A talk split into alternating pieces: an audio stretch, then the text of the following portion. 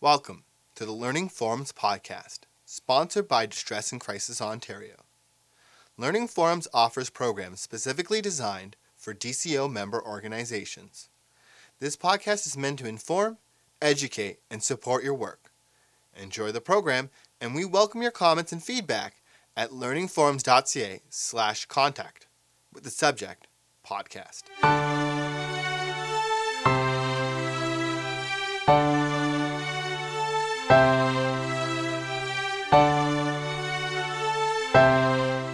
My name is Terry Von Zubin, and I want to talk to you today about collecting, or hoarding as it's often called. I'm a fire prevention officer for the town of Whitby. That makes me a fire inspector. I'm often called to people's homes to talk to people about their collecting, about their hoarding, and also offer an opportunity for them to rectify those issues, just to ensure the safety of the occupants of the home and to make sure that the other people that may live in the unit or adjacent units are safe. So that's our job. What is collecting, or hoarding as it's often called? It's a specific set of behaviors. It's more than just collecting stuff. What motivates collectors? Well, there's several things. It's often an intense attachment to specific things, and it's things that they may have collected throughout their life. It can be an intrinsic value of specific objects that they don't want to part with that things that we might think as refuse or garbage, but to them it carries a, a deep and intrinsic meaning or a, a financial value that they think someday these things will be worth something. It's also the assumption that they might be useful at some time in the future. So we all have a junk drawer or a room that we put things in as we, well, we might need that someday, so we put them away. Um, for these people, unfortunately, it's a situation where that gets out of control. The Diagnostic and Statistical Manual 5 lists collecting as part of the obsessive compulsive disorder or compulsive hoarding. But there's not often pathology involved with hoarding. There can be other causes. Life transitions are probably the most often cause we will see what people collect things. Those transitions can be something like the loss of a loved one, where a child or a spouse or a parent has died and then we're left with all of those objects that those people have collected over their lifetime.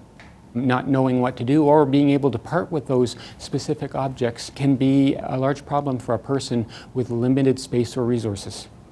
Moving to a smaller home. Many seniors have to downsize their home as they either move um, out of a, a, family unit into an, an, apartment or a condominium or maybe a smaller residence. Um, they'll be left with all of the things that they've collected over a lifetime. Unfortunately, some people have an inability to make uh, clear choices with the objects that they have in their home. And this can range from uh, difficulty deciding what's garbage and what isn't, what should be going in the recycling box. Other people might have an issue deciding what exactly is refuse and how to sort through their recycling. And therefore, they end up retaining all of those objects in their home, eventually being crowded out by those things. A little on collecting history. Uh, there's been people who have collected things throughout history for a long, long period of time. The most famous ones were the Collyer brothers. They lived in New York City, and maybe you'd be familiar with them. They were considered the hermits of Harlem. These two elderly brothers lived in an apartment without services and without help for quite a time on their own. The one older brother was bedridden, and the other brother had an issue with collecting or hoarding, and he had managed to collect or fill his apartment with all sorts of things. Some of them very valuable. There was uh, extensive camera equipment and clocks which he collected, and a lot of newspapers and other things that weren't of any value to anyone, at least at the time. What had happened was that uh, the one brother was so worried about anyone taking his things or their objects that they actually barricaded themselves in the apartment and then created booby traps or traps for people that would come into the apartment uh, that would basically pull refuse down on top of them. So some of the things that they had collected. Unfortunately, one day one of the brothers tripped one of those booby traps and the younger brother became trapped and the older brother who was bedridden at the time was unable to get up and get out, and uh, they were both trapped in the apartment and found dead. Very sad situation that happened with these people. We don't come across situations that are that extreme all the time, but they do exist. So pointing out a very famous incident might give you some reference in future about um, some of the situations that we come across with regards to hoarding or collecting. So the main concern would be how can we help? As call responders, you're going to come across situations where people will either disclose to you that they are collecting or hoarding, or their family members might call you in crisis saying that their situation is untenable with the family and unfortunately there may be uh, safety hazards that the family or the individual faces that need to be addressed. And what you're going to need to do is to determine first off, is there an emergent situation? And that you can do through a few questions, but also to determine whether or not this is really a hoarding situation. We define hoarding in three levels there's mild, which would be collecting clutter throughout the home, but there's no real immediate threat to life. There's no blocked exits, all the lights are on, there's no electrical or fire safety hazards in the home. So even though there's clutter throughout the home, there is no immediate threat to life. And at that point, the fire department probably wouldn't need to be involved. It's only when we see uh, threats to life start to develop in a situation. That's not to say that they won't develop over time. And it, as a person moves from mild collecting to moderate collecting or hoarding, um, they start to develop situations where there are threats to life at that point. Okay, the exits become blocked, partially or completely. The windows become blocked or closed. Uh, the person starts to remove the lighting in their home. They start to gather things on the appliances, where if we walked into the home, you might notice that the stove is all covered with combustible materials. That's, that's things that are easily burned.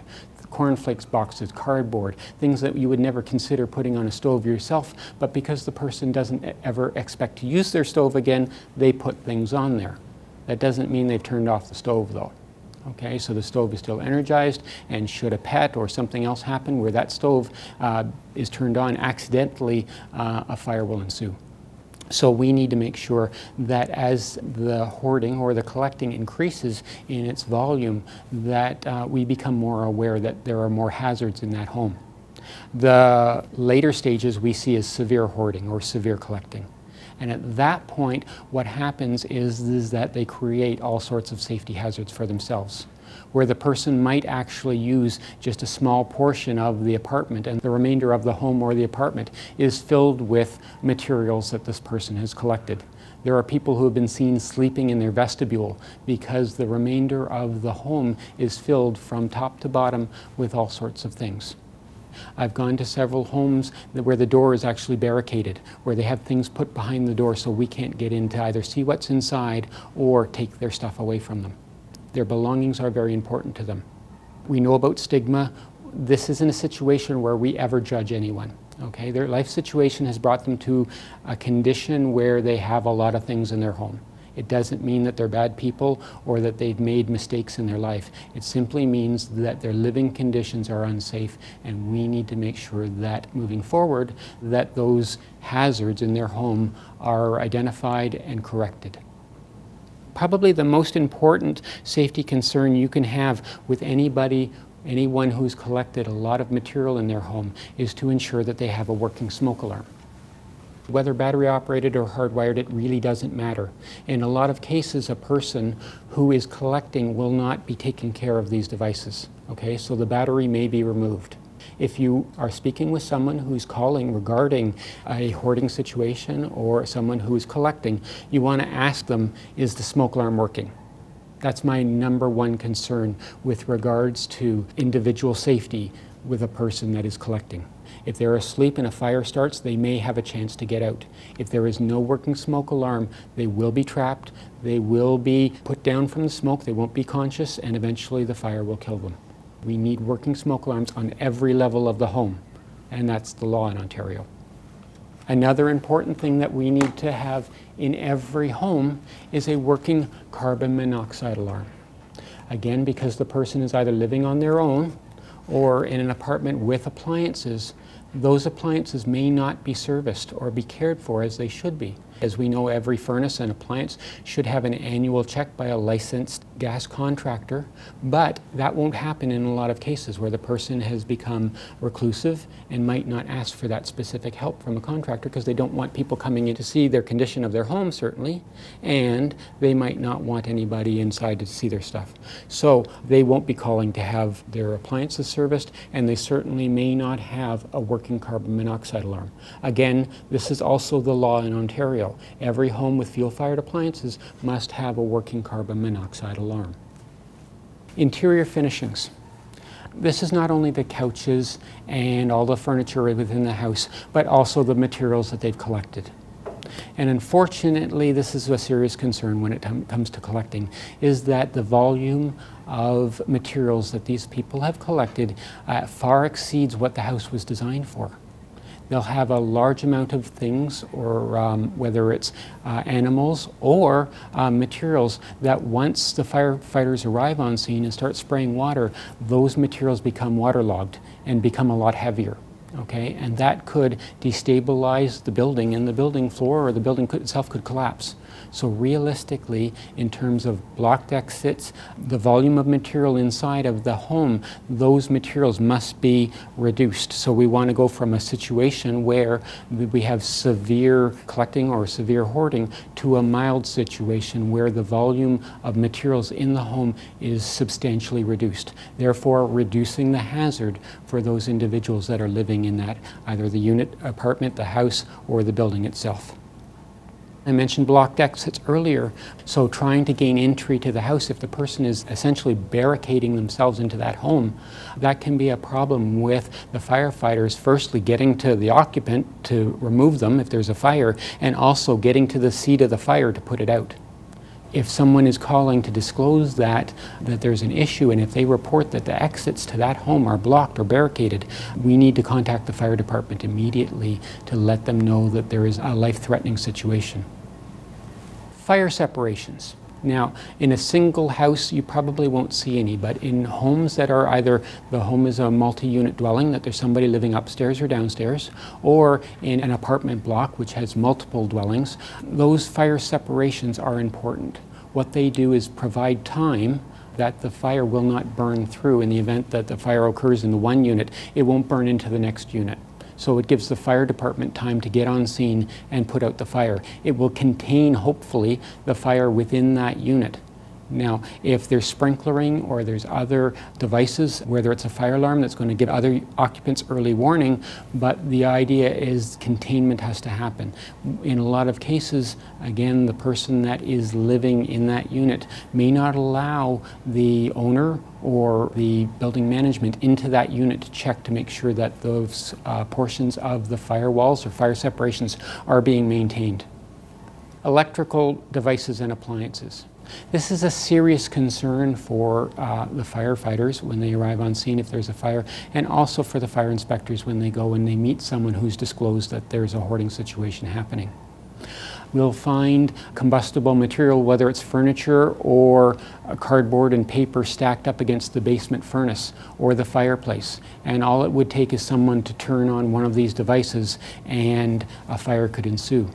So unfortunately, those devices, if they are there, they really need to be either turned off or um, what we would prefer is that combustible materials be kept a minimum of three feet away from every electrical or fire burning device. So we think the stove, the fireplace, the uh, furnace, uh, a minimum of three feet is what we require to allow for safety.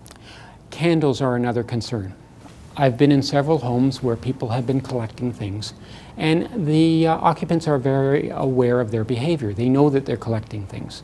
And what happens is that they often, because of the appearance of their home or the appearance of them personally themselves, they've removed a lot of the lights uh, throughout the home. So you can't see when you go in there. You can't see what's in the back of the home, but you also can't see the person themselves and the materials that are in the home.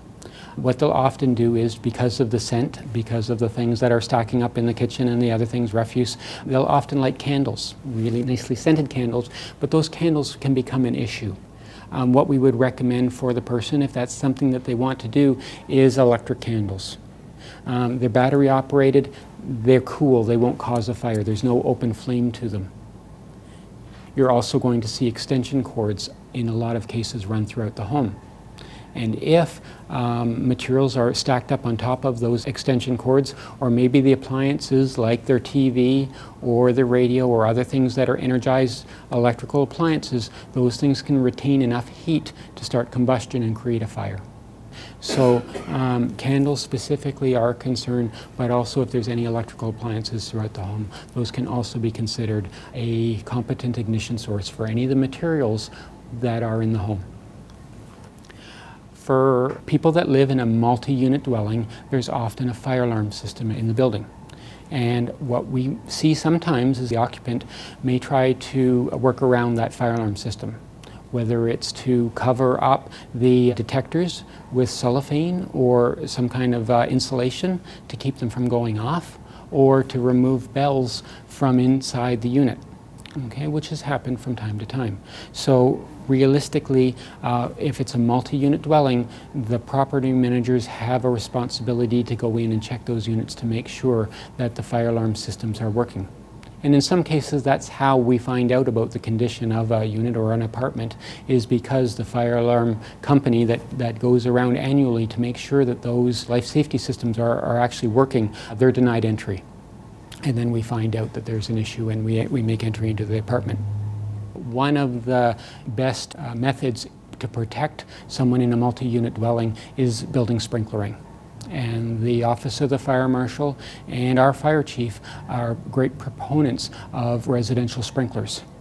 They won't put the fire out, but what they will do is contain the fire within the rooms that they've started in and keep the fire from spreading throughout the unit, protecting the occupant of the unit and the rest of the building. It will save lives, and no one has ever died in a sprinklered building in Ontario.